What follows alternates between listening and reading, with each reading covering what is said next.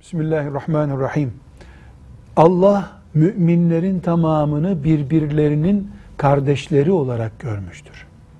Mümin olmak birbirimizin kardeşi olmak demektir. Bir de anamız babamız aynıysa çift kardeşiz demektir.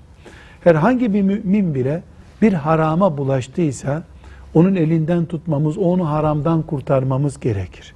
Bir de anadan doğma bir kardeşimiz bir harama bulaştıysa, internetten bir rezalete girdiyse, o onu terk edinceye kadar onu bizden itici bir pozisyonla soğutmadan, o o işi bırakıncaya kadar hangi dille, hangi rica ile, hangi yöntemle onu kurtaracaksa kurtarıncaya kadar biz onun yanında olmaya devam edeceğiz. Harama düşeni itip şeytanın kucağına bırakamayız.